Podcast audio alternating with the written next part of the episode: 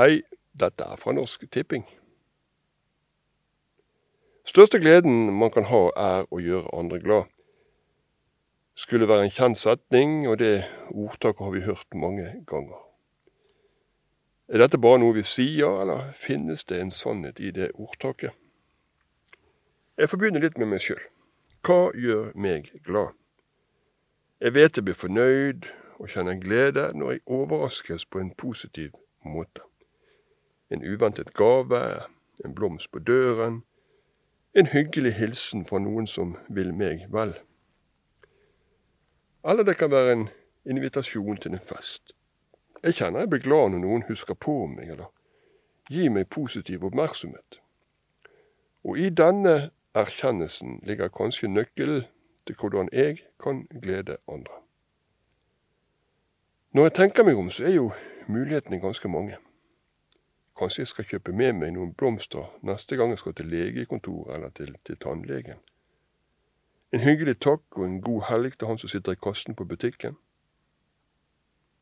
Invitere naboen på kaffe, eller gi en oppmerksomhet til noen som ikke forventer det. Eller om jeg tar meg tid til å bla gjennom alle kontaktene på telefonen min, og så noterer jeg ned hvem jeg har lyst til å ringe til. Slå på tråden bare for å høre hvordan står det til, si at jeg tenker på han, tenker på henne. Og kanskje aller viktigst, ikke glemme de jeg har rundt meg i hverdagen, og de jeg kanskje tar som en selvfølge.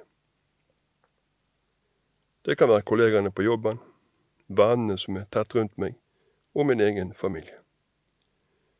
En kake, en blomst, et kort, en overraskelse. Det kan jo vanskelig bli for mye av sånt.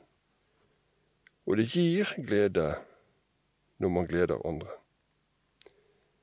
Denne uken skal jeg plukke ut noen og gjøre det lille ekstra. Jeg kjenner at jeg, jeg gleder meg allerede. For største gleden man kan ha, er å gjøre andre glad. Jeg har i hvert fall ikke tenkt å la det stå uprøvd. Om det er sant, så kanskje jeg skal søke meg jobb som han som er telefonoppringer hos Norsk Tipping på Hamar. For de må jo i sannhet gå glade hjem fra jobben.